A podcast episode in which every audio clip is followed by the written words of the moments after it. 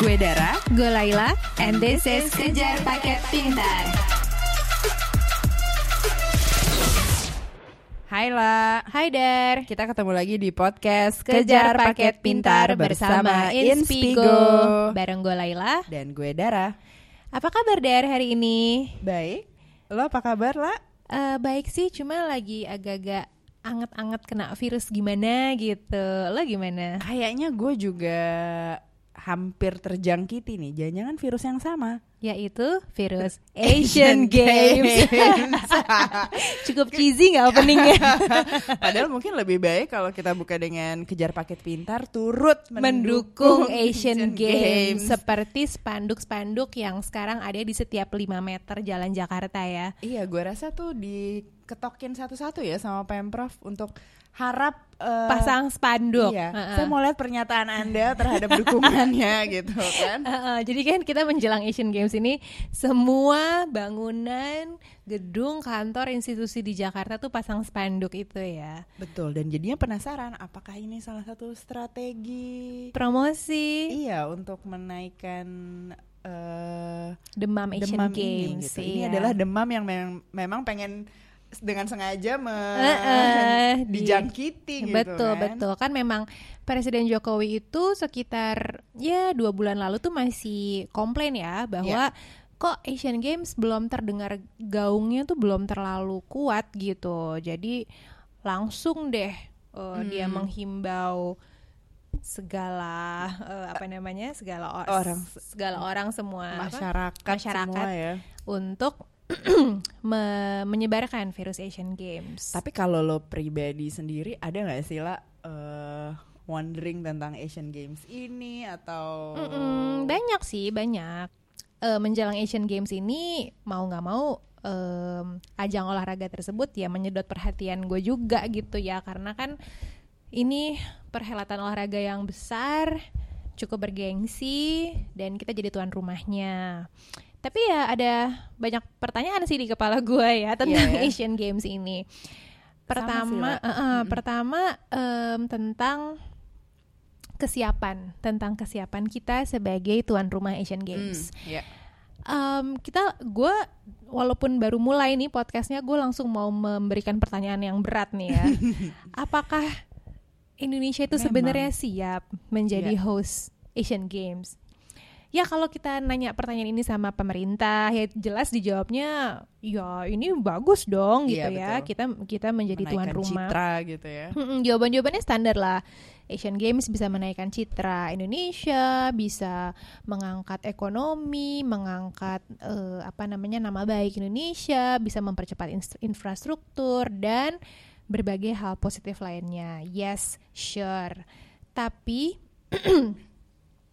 em, menurut gue kemarin Mm-mm. Vietnam itu mundur bukan sebuah langkah yang memalukan ya karena yang gue baca-baca juga Vietnam mundur menjadi tuan rumah Asian Games 2018 itu dengan dignity kok dengan harga diri gitu karena mereka sadar diri mereka nggak sanggup menjadi tuan rumah karena eh dirasa-rasa keuangannya belum kuat kagak cukup duit Ya. terus em, belum siap secara infrastruktur sehingga kalau menjadi host Asian Games malah jadi beban negara gitu Iya. ya Jadi nggak halu hanya demi gengsi. itu dia realistis gitu Realistis ya ya, ibarat betul. naksir banget sama cowok tapi kalau nggak realistis ya udah jangan nggak usah dikejar gitu ya rasa rasanya jadi malah tak mereka mungkin khawatir kalau maksa jadi host Asian Games malah akan jadi beban negara akan beban hutangnya akan menghantui mereka hmm, bertahun-tahun ke jor-joran depan ya, langsung jor-joran eh, eh, gitu Nah, gue juga tadi nyambung ke yang sempat lo sebut soal infrastruktur. Mm-mm. Gue sih ngeliat menjelang Asian Games gini lumayan bersemangatnya melihat infrastruktur yang mulai dibangun sekarang kan mulai kelihatan bentuknya itu Mm-mm. tuh agak nggak sabar juga jadinya ngeliat oh nih kayaknya ada salah satu moda transportasi publik yang lumayan kayak LRT MRT Mm-mm, gitu LRT di Palembang ya LRT di Palembang, terus di Jakarta ada MRT. Nah, cuman pertanyaan gua juga kenapa nggak dari dulu sih mulai berkala gitu tahapan infrastruktur ini dibanding eh, maksudnya kenapa harus nunggu dulu jadi host Asian Games baru membangun semua ini tata Iya, iya. Eh, transportasi yang baik karena menurut gue juga ketika kita di satu kota yang lumayan Mm-mm. besar punya transportasi umum yang baik itu juga mobilitas orang lancar ekonomi juga itu bisa bertumbuh sih menurut gue Hmm. gitu Tapi pertanyaan ini kan juga udah muncul saat Mm-mm. Kali Sentiong alias Kali Item Ya. direvitalisasi gitu kan. Iya. Jadi Kali Sentiong itu udah bertahun-tahun bau, beong ya, ma, jelongi, jelek Hmm. gitu. Eh, tapi didiemin. Nah, Hmm. ketika menjelang Asian Games, terus Wisma Atlet terletak di dekat Kali Item, baru panik gitu kan. Wah, gimana nih kali bau ini gitu. Iya, Atlet iya, harus iya. makan menghadap ke ke, ke kali ini bisa muntah-muntah kan mereka makan. Nah, akhirnya langsung dengan cara bak big book diberesin lah itu ya, Iya, mulai dari ditutup sama waring sampai dikasih biota air gitu sehingga nggak berbau lagi. Ya betul sih katanya sekarang udah nggak bau. Nah tuh bisa gitu ya Iya. problem menahun diselesaikan hanya dalam beberapa minggu itu bisa. Kenapa kagak dari dulu Iya, gitu? juga takutnya tuh curiga quick fix quick fix Quick gini nggak tahan quick. lama Eh, ya eh, eh, gitu. Itu Jadi dia kenapa nggak dari dulu Kenapa nggak dari dulu? harus ada Walaupun memang logikanya adalah ya kayak kita rumah misalnya berantakan, ya begitu mau ada tamu baru kita beberes kan.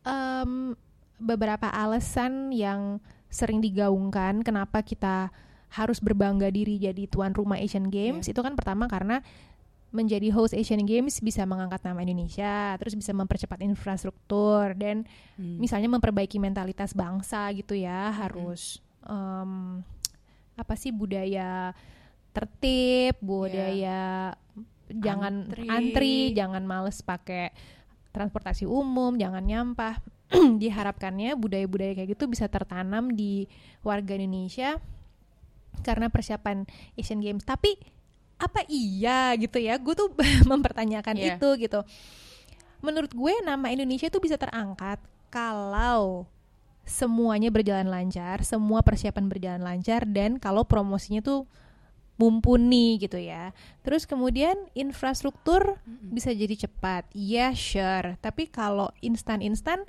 takutnya pemba- pembangunannya nggak sesuai standar. Ya, setuju. Terus kemudian kalau misalnya melatih mentalitas atau memperbaiki mentalitas bangsa, menurut gue itu butuh waktu ya, bukan suatu hal yang instan gitu. Iya nggak menurut gue juga nggak dengan jadi tuan rumah terus tiba-tiba kita hanya dalam membalikkan telapak tangan terus berubah semua jadi Enggak. lebih Tentunya lebih, enggak ya. uh, uh, lebih tiba-tiba lebih sadar untuk Mm-mm. uh, budaya antri yang antri yang benar Iya. gitu dan jalan kaki tapi Iya. gue juga setuju sih ini terasa terburu-buru kayak lo tadi ceritakan karena Vietnam mundur lalu Indonesia ambil gitu ah, kan ambil kesempatan. Uh-uh, dan jadi eh, kampanye untuk menaikkan eh, Gaung dan gaung hype. ini juga menurut gua kayaknya juga cepet-cepet deh Mm-mm. eh, eksekusi dari strategi yang di Strategi promosinya strategi ya. promosi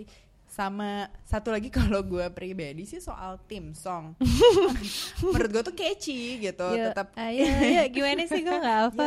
ayo ya menurut gue tuh catchy tapi buatku pribadi masih kurang membakar semangat gitu. Kurkuma ala- ya. agak agak kurang gitu ya. Tapi tetap dapat catchy-nya gitu. Upbeatnya oke lah gitu. Cuman kurang suara-suara genderang perang lah.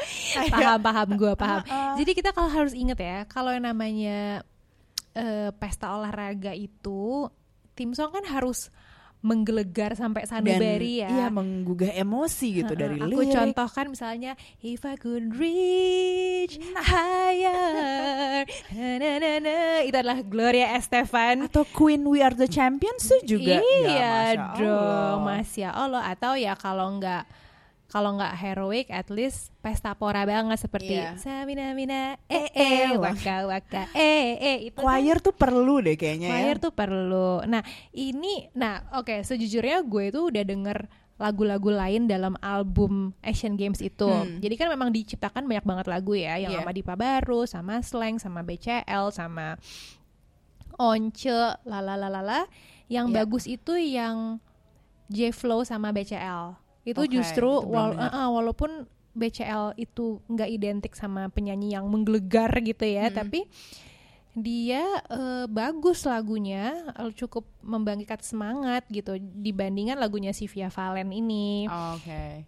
Tapi memang eh, akhirnya Via Valen yang terpilih menjadi tim song official. Mm-mm-mm. Eh, entah karena selera Indonesia, entah karena unsur dangdutnya, kan Iya. ada unsur dangdut dan Via Valen juga penyanyi dangdut, mungkin lebih dekat di masyarakat grassroots, entah ya.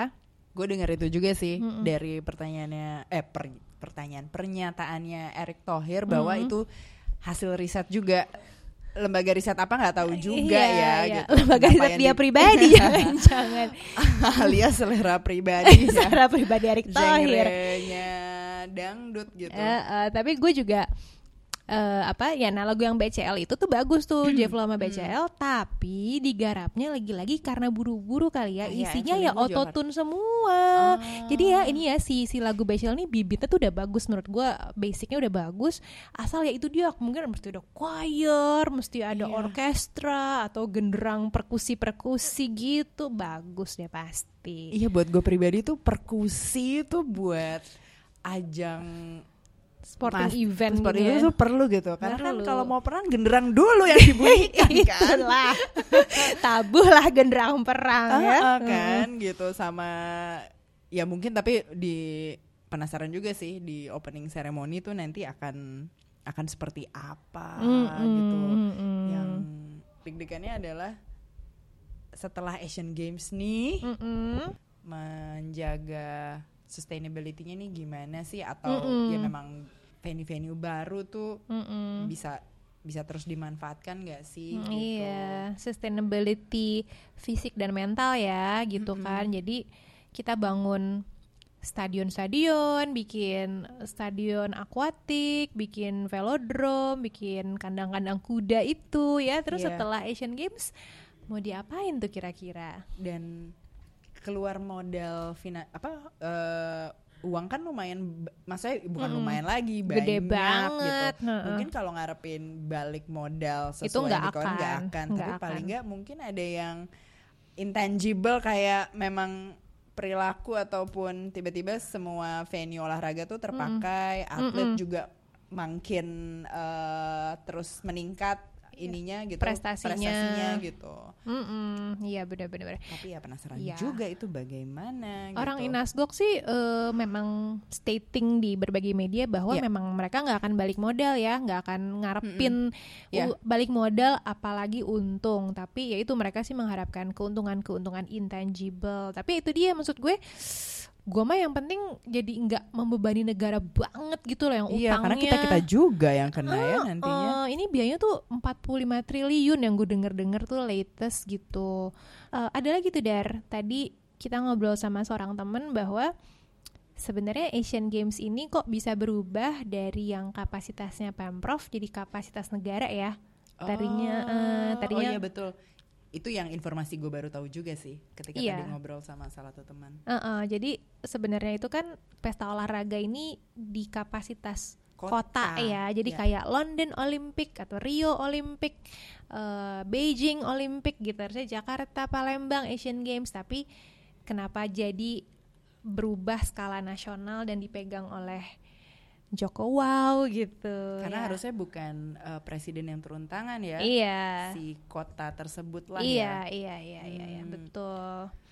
Ya menurut gue kita banyak pertanyaan sih, Mm-mm. tapi nggak juga semangatnya turun untuk ngedukung Asian Games Iya. untuk sukses. Lo pengen gitu. nonton nggak? Gue pengen nonton. gue pengen nonton ada beberapa maksudnya ya cabang olahraga yang udah lumayan populer tapi gue sendiri pengen pengen nonton juga sih yang nggak nggak Populer, populer, kayak apa tram- misalnya? kayak trampolin Tram- pengen banget gue. itu tuh gue baru tahu loh lah Iya. masuk masuk cabang olahraga yang dipertandingkan Iya gitu. iya. Oh, ada miskonsepsi yang besar. Orang pada ngira e-sports itu masuk ke cabang olahraga yang dipertandingkan. Sebenarnya enggak, saudara-saudara. Itu cuman eh, demo, demonstrasi. Jadi eksebisi doang. Oh, Eksebisi eh, mungkin bisa jadi gambaran ke depannya mungkin bisa dipertandingkan. Tapi e-sport sebenarnya bukan cabur resmi gitu ya yang akan dipertandingkan.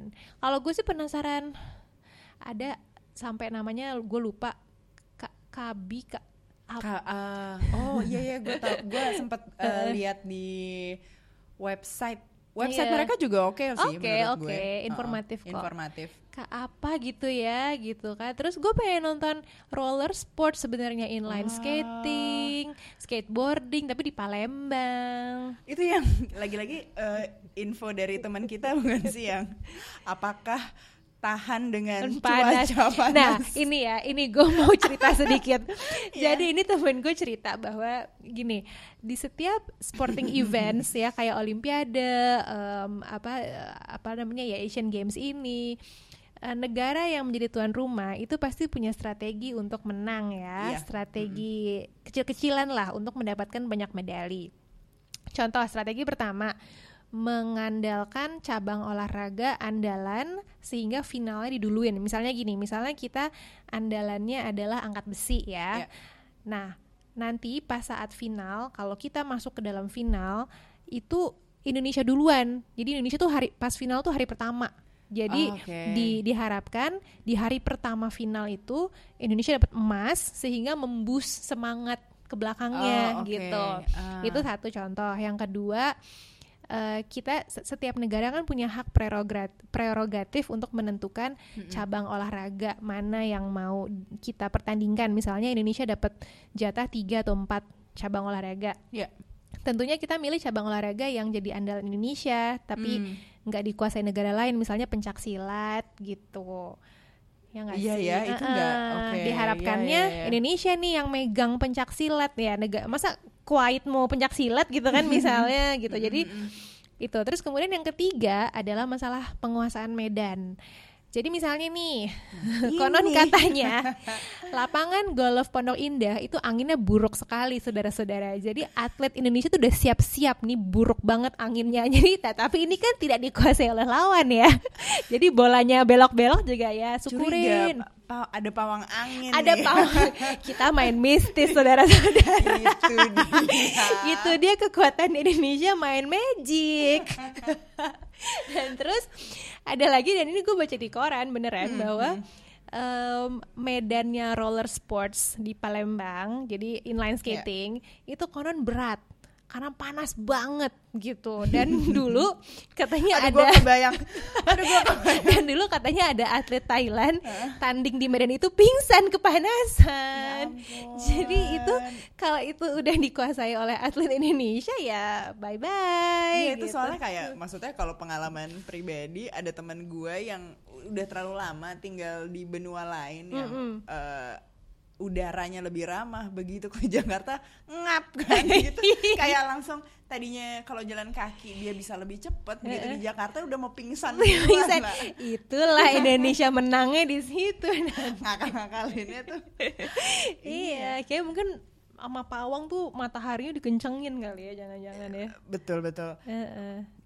Kejar paket pintar nggak ngobrolin Asian Games juga bisa dibilang inisiatif untuk eh, mempromosikan ya. ya, mempromosikan. Nah, eh, jadi kita sebenarnya semangat menyambut Asian Games ini semangat ya. Banyak pertanyaan tapi semangat Iya. gitu. Nah, daripada kita bertanya-tanya sendiri terus, menjawab sendiri pertanyaan kita.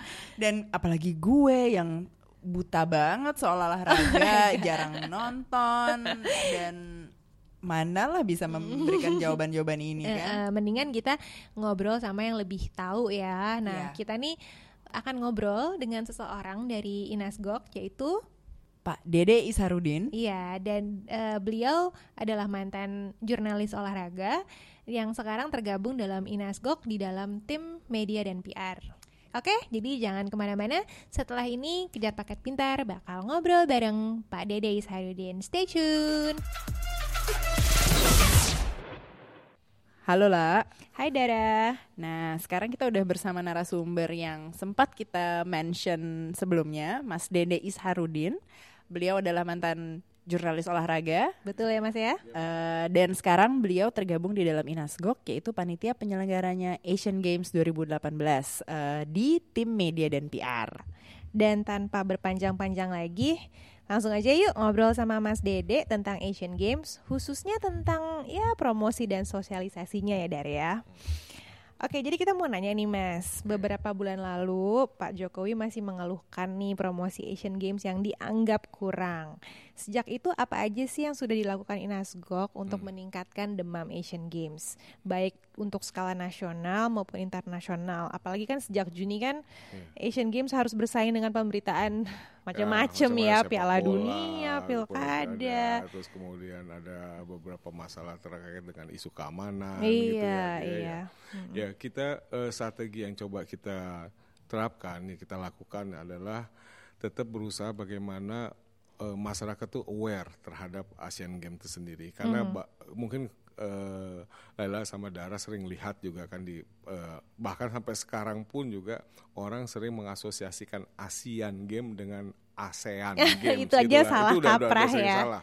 Even untuk setingkat ya, di kota Jakarta sendiri kalau kita ngelihat uh, beberapa uh, mural gitu ya berapa sambutan masyarakat tuh masih muncul seperti itu. Jadi kita terus lah bahwa nih Asian Game adalah event yang jauh lebih dari sekedar ASEAN maupun juga SEA Games. Dan bahwa juga kita ngomong kepada masyarakat bahwa ini adalah event yang terbesar kedua setelah Olimpiade. Jadi biar masyarakat juga tahu bagaimana oh ternyata kita jadi tuan rumah sebuah event yang hanya setingkat di bawah dari Olimpiade. Nah, eh, hal-hal uh, seperti itu yang terus kita uh, komunikasikan ke masyarakat ya.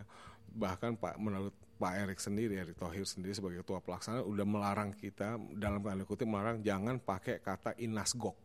Oh gitu, uh, kenapa tuh? Karena Inasgok tuh asosiasinya nggak apa kurang lah di, mengenal di masyarakat. Karena memang memang nama resminya kita Indonesian Asian Game Organizing Committee, disingkat Inasgok. Nah, Pak Erik bilang kepada coba tulisnya bahasa Indonesia dengan jelas panjang walaupun uh, agak panjang tapi jelas itu panitia pelaksana ASEAN Game jadi mm. ASEAN ASEAN Game yang terus dilakukan itu mm. salah satu sehingga setiap uh, rilis yang kita keluarkan kita sudah jarang sekali bahkan sudah menghilangkan uh, uh, singkatan dari Inasgok itu sendiri dengan okay. ngomongnya panitia pelaksana Asian Games. Itu yeah. yang kita terus lakukan ya. Baik karena fungsi di media sendiri adalah salah satunya kita uh, konsentrasinya pada pembuatan rilis-rilis uh, sosialisasi ke media untuk ngomong seperti itu. Kemudian kita juga mengajarkan apa yang kita lakukan dengan uh, uh, membuat event-event yang sifatnya uh, kena ke masyarakat terutama di level pelajar gitu ya. Kayak hmm. ada Asian Game Go to School uh, ke tingkat ke tingkat pelajar dari SD, kemudian kita juga masuk ke tingkat uh, mahasiswa sendiri dengan ada program yang namanya bro, di broadcast sendiri, program yang kayak membuat uh, uh, apa video-video pendek hmm. dan memberikan kesempatan kepada para mahasiswa mahasiswa itu untuk magang ikut dalam bagian dari sejarah uh, kepanitiaan Asian Games sebagai uh, bagian dari departemen broadcast. Dan ada oh gitu, ya, ya. di beberapa universitas-universitas uh, departemen broadcast juga turun ke lapangan mencari talented-talented membuat film-film cerita pendek dan juga menyiapkan mereka untuk terlibat dalam um, apa bikin film-film sedikit kecil ya tentang Asian Games. Dan mm -hmm uh, suka sampai sekarang sudah mulai lah akhirnya kita melihat dari beberapa survei yang ada tingkat awareness itu makin meningkat, makin ada bagus dan orang juga makin tahu tentang Asian Games. Dan di, kalau di luar negeri sendiri kebetulan kami karena ini event Asian Games adalah event dari OCA Dewan Olimpiade Asia, OCA juga menyelenggarakan namanya uh, Asian Game Fun Run. Jadi berputar di 33 uh, tiga negara Asian Game untuk kemudian uh, di setiap Asia di setiap kota itu menyelenggarakan semacam fun run lah. Fun run baik itu yang sifatnya lari yang serius yang sampai 5 kilo maupun yang hanya uh, melibatkan anak-anak gitu ya. Sehingga akhirnya di wilayah-wilayah Asia tahu bahwa oleh mereka udah mengenal tentang Jakarta, mereka hmm. mengenal tentang Palembang gitu kan, mereka tahu tahu bahwa uh, saya juga sempat ke beberapa negara melihat animo dari Fun Run itu kita sampai uh, mereka tahu lah akhirnya oh ada Asian Game di mereka tahu bahwa ada kota namanya kota Palembang ada Jakarta dan saya pikir dan itu juga melibatkan kedutaan-kedutaan kita. Makanya uh, bahkan kedutaan-kedutaan kita di luar negeri juga akhirnya juga tahu bahwa oh uh, Asian Game ini mereka juga uh, harus harus turun tangan harus terlibat. Karena Presiden Jokowi juga bilang bukan hanya di dalam saja tapi juga semua sektor termasuk departemen luar negeri juga harus terlibat. Bahkan beberapa negara ketika kita datang tanpa memberitahu mereka mereka agak uh, marah gitu ya karena eh kok nggak ngasih tahu kami? Padahal hmm. ya akhirnya mereka sekarang udah mulai banyak banyak terlibat lah dalam dalam kegiatan yang sifatnya Asian Games. Terus karena apalagi beberapa negara tuh kadang atletnya sudah mulai menanyakan kapan gimana tentang Indonesia, gimana tentang visa, gimana tentang hmm. kondisi keamanan segala macam bahkan isu-isu terakhir yang sempat uh, menghantam Indonesia ya terkait dengan bom, dengan teroris, mereka juga sempat munculkan awareness awareness, nanya lah tentang apakah aman, apakah tidak ya. Nah kalau ke masyarakatnya sendiri ada arahan khusus nggak sih ke berbagai elemen masyarakat untuk mereka mungkin bikin inisiatif uh, untuk ikut menciptakan demam ini ada nggak sih mas dari panitia? Hmm. Kita ada tiga fungsi ya uh, dalam bidang penyelenggaraan Asian Games ini bidang uh, pembangunan infrastruktur itu ada di departemen uh, PUPR, PUP, PUPR pembangunan semua infrastruktur, kemudian bidang pelaksana yaitu di panitia pelaksana dan kemudian bidang prestasi ada di Kemenpora. Nah, pelaksana ini memang lebih concernnya bagaimana menggelar sebuah Asian Game gitu. Tapi eh, yang jadi sorotan kan akhirnya ke kami gitu ya, ke panitia pelaksana sendiri. Gimana sih Padahal tugas kita tuh hanya menyelenggarakan, hmm, menyelenggarakan. Okay. Tugas kita tuh menyelenggarakan hmm. karena kita mendapat mandat gitu ya, hmm. mendapat mandat dari OSIA, lu bikinlah turnamen, bikinlah pasien game ini.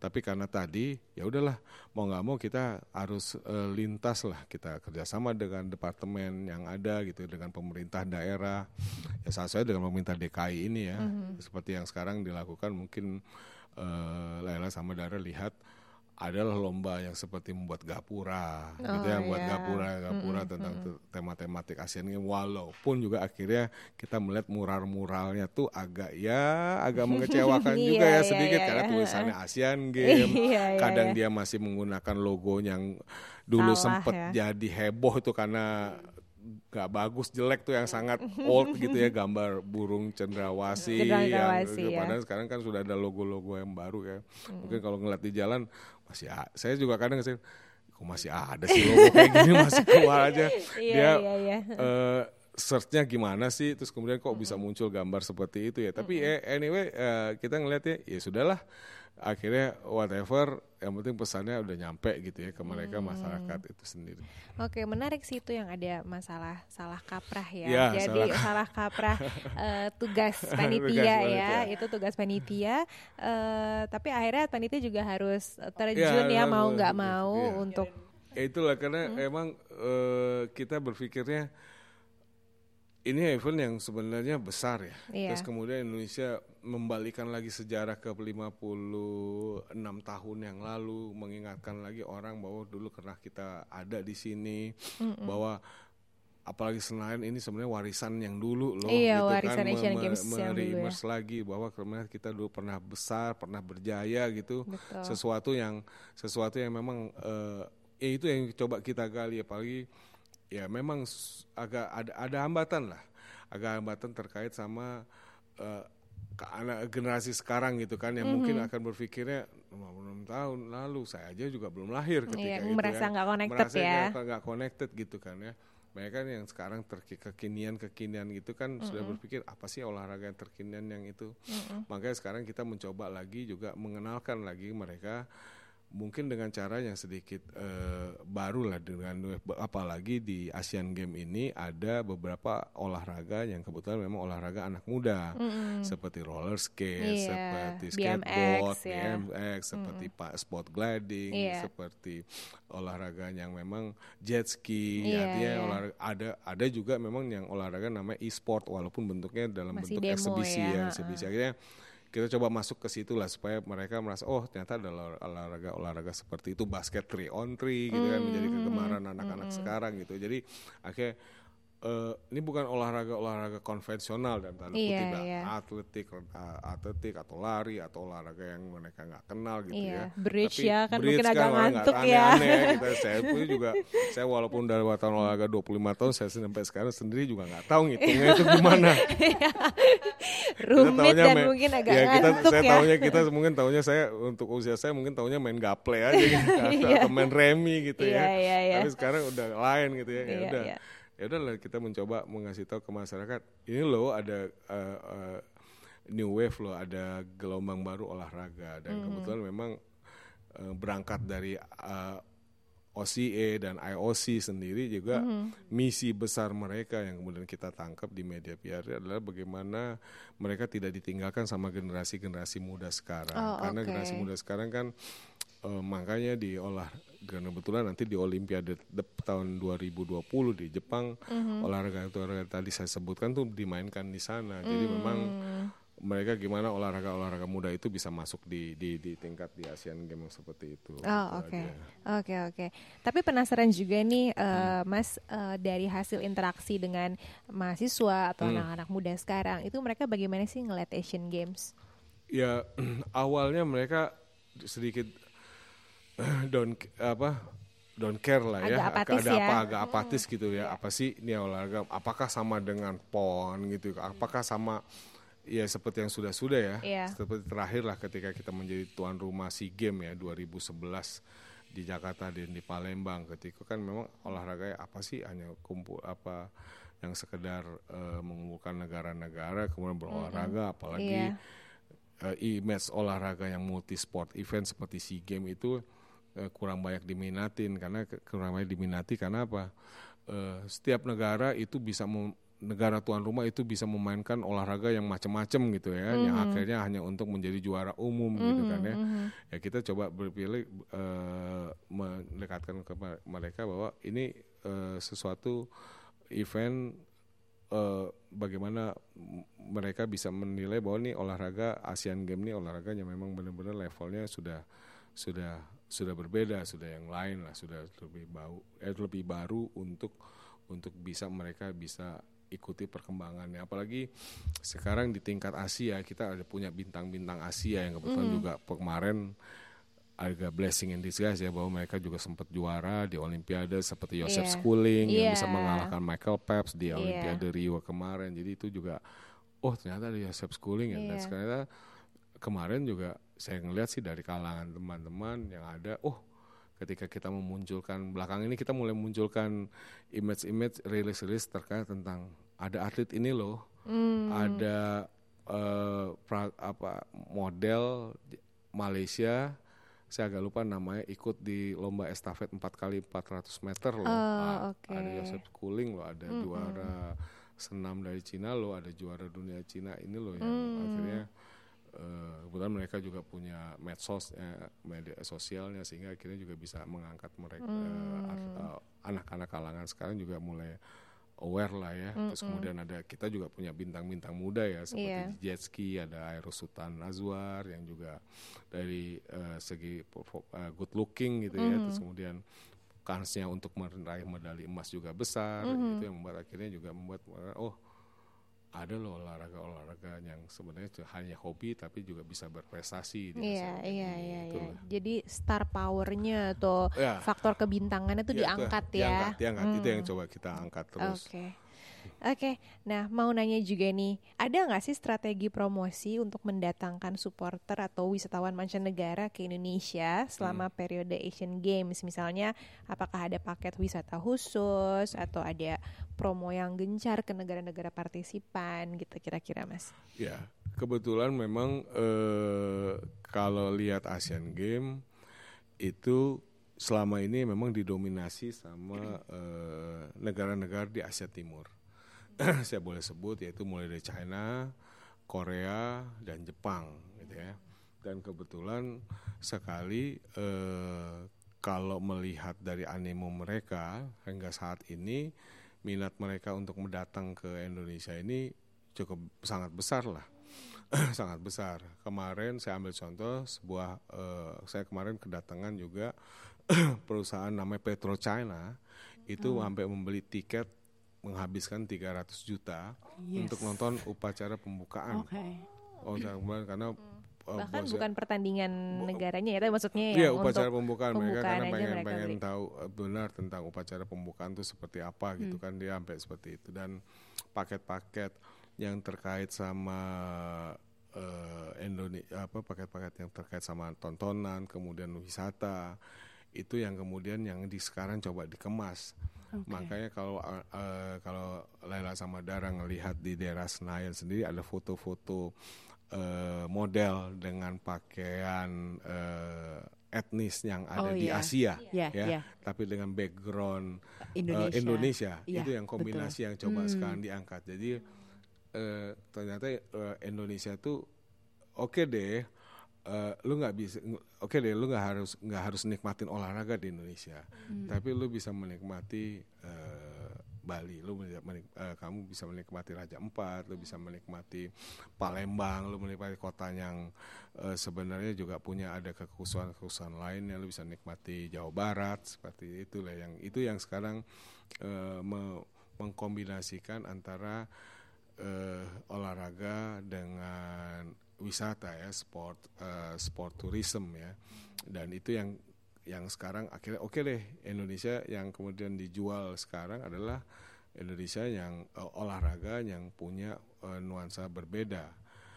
Bukan hanya karena ke kekhasan Indonesia ya kita tahulah kekayaan Nusantara ini kan cukup sangat luas gitu kan sangat besar dan itu yang menjadi nilai jualnya. Makanya mendatangkannya itu dengan menjual sebuah paket wisata. Dan saya lihat eh, ambil contoh lah ya Jepang sendiri itu sudah membooking eh, banyak kamar di hotel Fairmont. Saya akan nyebutkan hotel itu karena apa? Mereka hanya bisa hanya jalan keluar hotel Fairmont nyeberang jalan dan akan nonton baseball. Baseball adalah olahraga nom termasuk olahraga yang sangat minat populer sendiri di Jepang. Walaupun mereka mungkin akan agak kaget karena kalau di kalau di Jepang itu stadion baseball seperti stadion utama. Sementara baseball kita ya agak stadion Cimit. mini lah, cimit gitu ya. tapi ya makanya tapi mereka ya itu lagi lah melihatnya dari sisi-sisi yang berbeda. Sisi yang lain yaitu wisatanya lah yang coba Oke. mereka lihat lah ya. Karena pembangunan-pembangunan yang dilakukan di yang menyertai eh, pelaksanaan Asian Games ini sebenarnya juga ditujukan kepada masyarakat bahwa berkat Asian Games inilah kalian eh, warga Jakarta nanti punya LRT loh. Hmm, Ah, mhm. Berkat Asian Games ini loh kalian nanti bisa lari di Senayan dengan enak loh. Iya, iya. Karena Asian Games lah. Velodrome ya. Ya, dengan beda velodrome dan nanti kalian akan merasa di Senayan itu eh, nggak jorok, lebih bagus, lu bisa makan di sambil eh, yang lari itu nggak nggak akan lagi makan ketupat sayur gitu ya, tapi tapi akan masuk ke restoran yang akan di Iya, bawahnya iya, gitu. iya, iya.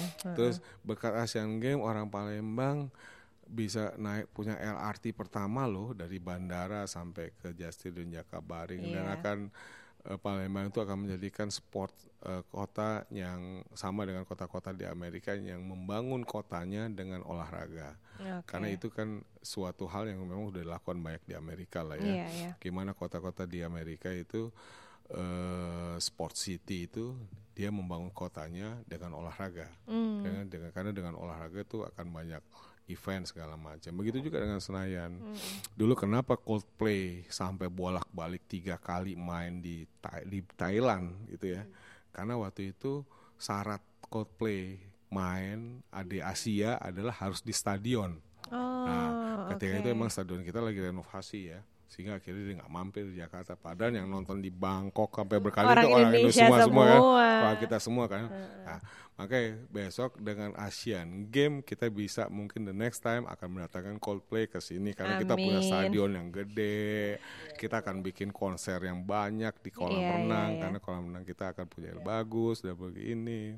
Kita akan bikin sebuah tontonan yang menarik di velodrome segala macam lah. Industri-industri yang sifatnya mis, eh, mis- mais ya, Hmm, itu nice. akan akan berkembang dengan ini. Jadi eh itu tadi gimana eh, eh, kita main ngomong masyarakat ini eh, Asian Games loh yang membuat ini semua. Iya, Seperti iya. ya tahun 62 kita punya Senayan kan Asian Games. Iya, 62 peninggalannya banyak Peninggalan sekali. sampai sekarang sampai Iya. sekarang kan kita punya patung selamat datang, kita Punya punya, hotel hotel, HI. Indonesia, punya Semanggi, Iya. punya MH TV Tamrin ya. TVRI lah. Iya, ketika itu TVRI, kita punya. betul. Ah, kan itu juga karena dibangun buat buat Asian Games. Itulah Iya. kita pengen ngomong ke masyarakat eh, dengan Asian Games eh, kita akan punya sesuatu yang lebih berbeda. Kita punya Iya. Senayan yang lebih bagus. Saya sebagai wartawan yang lama nongkrong bolak-balik Senayan sebenarnya sudah eh, udah capek gitu ya ngeliat Senayan kok gini mulu gitu kalau nonton nanti ada lemparan ada kencing lah segala Iya, macam ya tapi sekarang udah ya. enggak nonton di Senayan lu akan duduk di bangku yang ada tiketnya Nah, itu yang kita saya ngelihat saya ba- membatin sendiri ya. Ya saya sih pasti ingin Asian Games ini sukses. Sukses gitu ya. Sukses lancar gitu ya. Sukses lancar megah gitu kan ya. Pun ya kita nggak tahu ya. Kita berdoa terus kan berharap supaya akan sukses gitu karena kita udah kerja mati-matian uang pemerintah pun uang kita keluarkan juga udah cukup besar sampai sekitar enam setengah triliun pun juga kalau misalnya ada kurang-kurang dikit saya berbatin dalam saya kita akan memiliki venue tempat jalan fasilitas transportasi yang membuat kota kita Jakarta dan juga kota Palembang itu udah eh, bisa nggak jauh eh, dengan kota-kota lainnya Iya, Nah, itu iya. aja sih Oke. Iya, jadi seperti yang kita sepakati bersama Asian Games kan adalah em, sporting event yang sangat besar ya Iya. untuk negara kita. Eh, bukan kerja yang mudah gitu ya Iya. untuk menggarap Asian Games. Nah, eh, Mas Dede sebagai bagian dari tim media dan PR Hmm. dalam hal promosi, Mas Dede merasa kepepet nggak dalam hal budget dan waktu? eh ya Oke.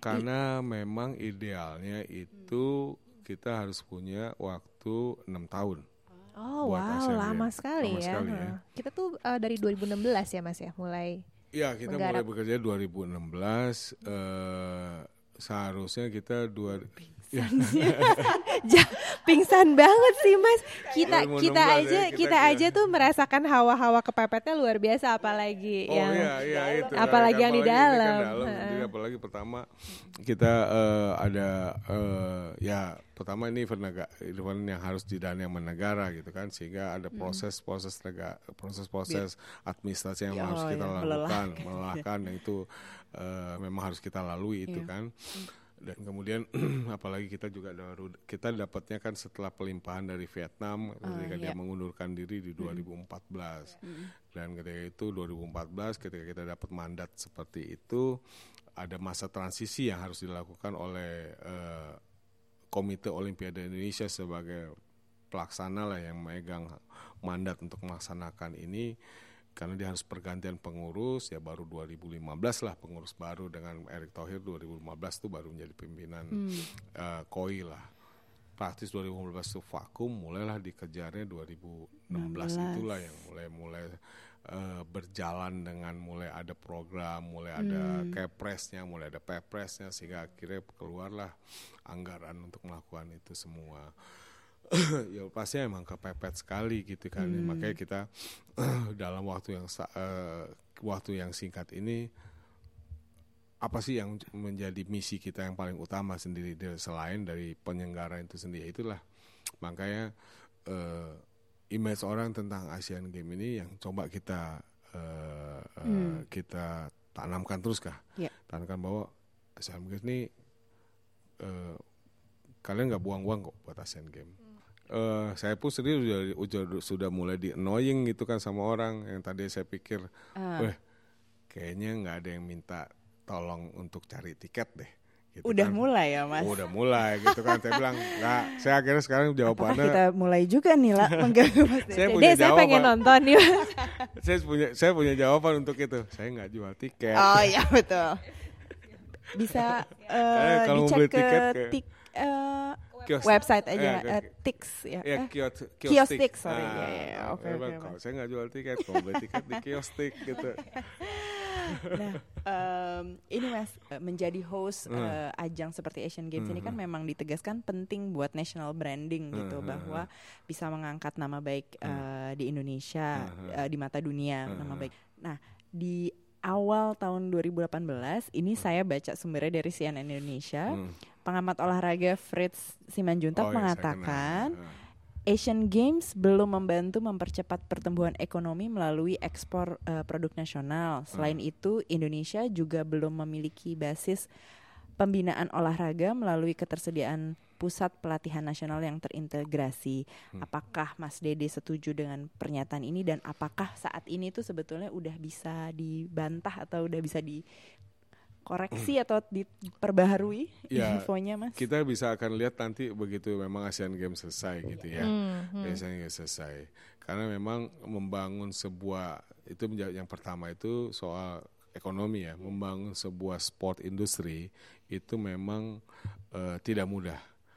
Apa yang dilakukan sudah Amerika, apa yang dilakukan China, apa yang dulu dilakukan. Ambil contoh lah eh, negara-negara di ASEAN gitu ya seperti Singapura gitu kan eh, dan juga eh, Thailand gitu kan itu mereka punya perjalanan cukup panjang. China juga membangun Jepang membangun sport industrinya juga dengan dengan dengan yang panjang juga gitulah Eh, karena membangun sport industri itu harus di, dibarengin dengan membangun prestasinya juga gitu kan membangun prestasinya juga. Makanya eh, membangun apa ekonomi yang dibangun oleh olahraga itu kita masih sebuah tantangan yang besar gitu kan. Saya sih percaya dengan apa yang sudah dilakukan terutama dengan Palembang sendiri dia sudah mulai merasakan bagaimana membangun sebuah industri melalui olahraga. Bahkan mereka punya mimpi yang untuk menggelar sebuah MotoGP lah di Palembang sendiri. Saya setuju memang pendapat tadi karena memang membangun sebuah industri itu memang tidak bisa cepat jangan hanya karena kita jadi tuan rumah Asian Games kita bisa menjadikan ini seperti membalikan telapak tangan gitu kan. Nggak bisa gitu Nggak kan. bisa tetap juga tetap ya. tetap tetap ada.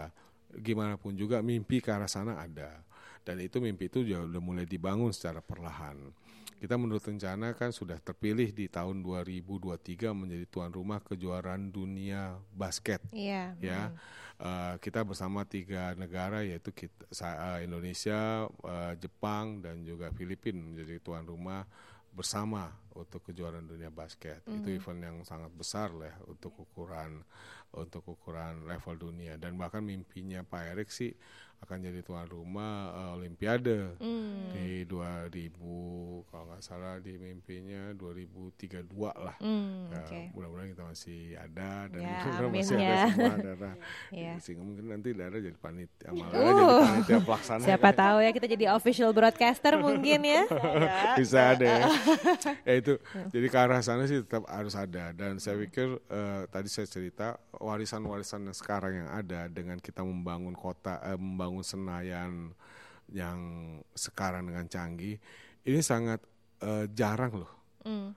Senayan tuh nanti dengan konteks sekarang dengan pembangunan sekarang itu tidak akan banyak ditemuin lagi di banyak kota di tengah sebuah kota yang besar Mhm. kota besar metropolitan seperti Jakarta ada sebuah kompleks olahraga Mhm. yang kalau kita lihat dari jauh dari dari kita kalau lihat itu kayak tertutup kawasan yang hijau gitu loh itu jarang sekali Hmm, oke.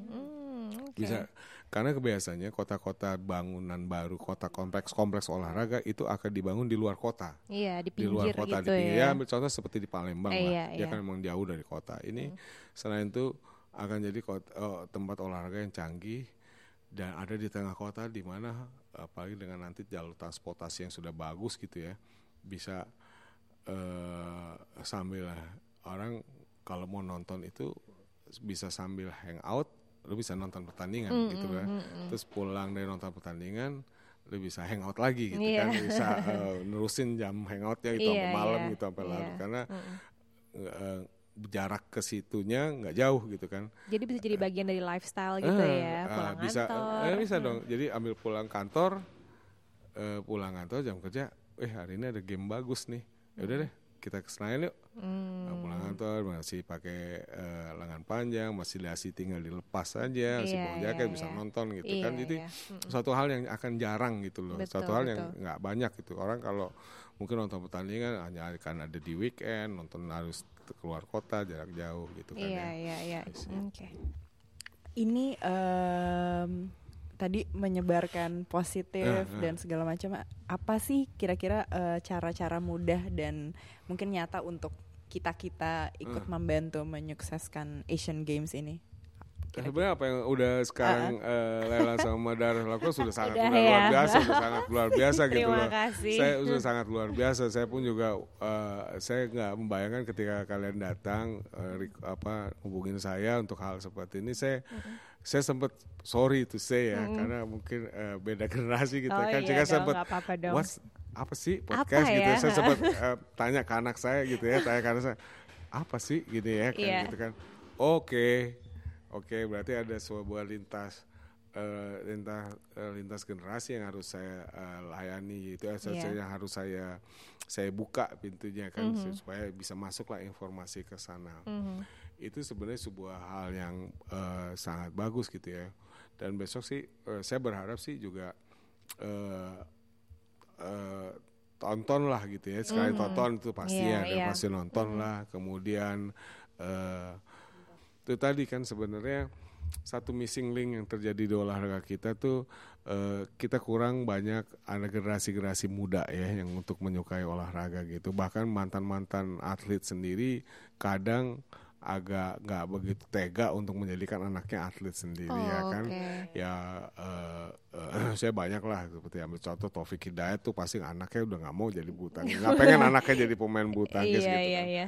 Jadi, Tapi gimana? Tapi kita melihat ada generasi-generasi muda yang baru supaya juga suka pada olahraga dan saya pikir eh, anak jika anak-anak itu ditibatkan pada olahraga, apalagi tadi saya bilang ini banyak olahraga generasi eh, generasi Z lah sekarang ya generasi X, generasi Z segala macam dan ternyata lebih eh, anak-anak sekarang bisa ngomong gitu, lu nanti bisa loh. Mungkin sekarang bisa kok ikut di Olimpiade dengan hanya main eh, Dota gitu Iya, kan. Nah, karena ada e-sports ada, ada ya. support gitu loh.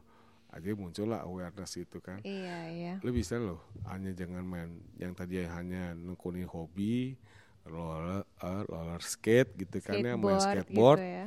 Atau hanya main jet ski walaupun tahu lah olahraga mahal gitu ya Iya. tapi lu bisa loh jadi mewakili Indonesia di Iya, ajang iya. Asian Games ah ada Drone, drone, iya. ada drone ada Pacarnya drone, dia ada. main drone. Oh, oh, Drone balap. pantes. Penasaran. Oh bisa tuh. Besok besok jadi eh, da- Iya, iya. eh, Dara eh, jadi supporting ya, ya. Iya, Eh, iya, supporter ya gitu ya. Boleh lah. Iya, Ya iya, itu iya. aja sih Iya. yang bisa dilakukan sebenarnya eh, banyak loh olahraga olahraga bukan olahraga yang old style yang mainstream gitu, tapi Iya, ada iya. olahraga olahraga baru yang saya pikir itu jadi daya tarik.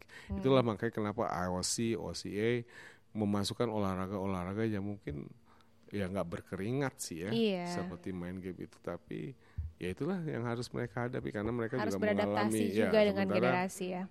Nah, mau nanya nih pertanyaan terakhir nih ya Mas ya, Eh, pendapat pribadi nih. Bagi Mas Dede pribadi, eh, tepat nggak sih kita mengajukan diri sebagai host Asian Games? Apakah timingnya sudah pas, sesuai nggak dengan kapasitas kita? Eh, jika waktu kada kita mengajukan, saya tahu tuh prosesnya ketika memang mengajukan kita memang sudah pas lah ya untuk me- me- me- me- mengajukan. Ketika itu memang bidding ya. Mhm. bidding. Tapi ketika itu kan memang kita kalah. Iya, awalnya Kita kalah. Surabaya ya Mas Kita ya. kalah waktu itu kita kan mengajukan Surabaya kan. Apalagi itu memang strategi ya. Strategi gimana kita membangun kota-kota baru ya untuk menyegarkan olahraga gitu karena di China sendiri itu jadi tuan rumah Asian Games berulang kali tapi tidak lagi di Beijing karena Beijing udah menyelenggarakan Olimpiade Iya. dia udah eh, eh, Cina eh, setelah besok eh, Olimpiade setelah kita itu akan ada di Cina lagi di Hangzhou. Hmm. Padahal Olimpiade 2 sebelum kita itu mainnya juga di Cina, di Cina. Guangzhou. Iya. Jadi setelah Guangzhou, Incheon, kita besoknya itu akan lagi akan main lagi di Hangzhou. Hmm. Nah, itu ma- eh, bang, makanya olahraga itu sebenarnya sudah sebuah jadi industri. Kita sih sebenarnya eh, tepat ketika itu kita mengajukan bidding ya. Cuman memang kalah, Iya. kalah karena eh, sama sama dengan Vietnam kita kalah. Cuman karena jika saat itu kita eh, menang di kesempatan pertama kita terpilih gitu ya. Saya yakin preparation kita eh, lebih lebih lebih bisa lebih siap gitu ya ketimbang sekarang ini. Waktunya sebenarnya tap, tepat gitu karena memang diband ya kepotong di sebagian negara yang sudah masuk G20 dengan tingkat pertumbuhan ekonomi yang masuk uh, bagus lah di tingkat Asia itu sebenarnya Indonesia pas lah untuk menjadi tuan rumah besar mm -hmm. di mm-hmm. Indonesia. Mm -hmm. Tapi mm-hmm. kemarin tuh karena memang kita kalah dalam bidding, terus yeah. kita sempat cooling down dan baru kepilih lagi dalam waktu jeda ada jeda sehingga preparationnya ini ada agak ada mepet agak, ya. agak mepet mm -hmm. ya. Sebenarnya kalau dari momennya uh, memang udah harus mm -hmm. karena sebagai negara besar yang tadi. Mm -hmm kita memang sudah harus berbicara di level Asia tuh sudah sudah jadi uh, dengan kekuatan Indonesia sebagai G20 iya. hmm. dengan ekonomi yang bagus kita juga bisa seperti itu loh. Hmm. Sudah lebih okay. bagus. Iya iya iya. Dan kayaknya kalau aku pribadi sih melihat tuh uh, langkah menjadi host tuh agak sesuai dengan karakternya Pak Jokowi sih ya, yang ya. suka grab the chance gitu untuk ah, infrastruktur ya. ya memalukan gitu. momen lah ya. Memalukan momen. momen yang iya, betul. ini um, sebenarnya masih banyak banget ya yang pengen kita obrolin sama Mas Dede, tapi sayangnya waktu kita terbatas. Meski begitu banyak sekali insight yang kami dapatkan dari Mas Dede, mulai dari program-program promosi, huru hara persiapan dan harapan-harapan besarnya ya. Harapannya sih Asian Games 2018 betul bisa melahirkan banyak hal baik di negara kita ya, pelaksanaan juga lancar nggak ditunggangi huru hara politik ya. lagi rame banget di belakangan ini ya. iya, lagi rame-rame bener, dan, gitu ya. Dan mudah-mudahan atlet kita juga bisa mencapai target ya amin, sehingga amin, memotivasi amin, mereka amin, dan pengurus olahraga juga untuk berprestasi lebih banyak lagi ke depannya. Amin, Terima amin, kasih amin. banyak Mas Terima kasih juga Lela. malam Terima ini ngobrol-ngobrolnya. Ngobrolnya ya. malam nggak terasa lancar. kok ya nggak terasa kita ngobrol malam padahal udah malam tapi udah terasa malam masih apa masih antusias energi, gitu kan sesuai energi. dengan lagu Energy of Asia. Oh, Asia, Energy of Asia. yo ayo nih. udah mau nyanyi yo ayo nih supaya lebih berenergi lagi ya. Oke, terima kasih banyak Mas Sama-sama, ya. sama-sama okay. senang dengan wawancara ini.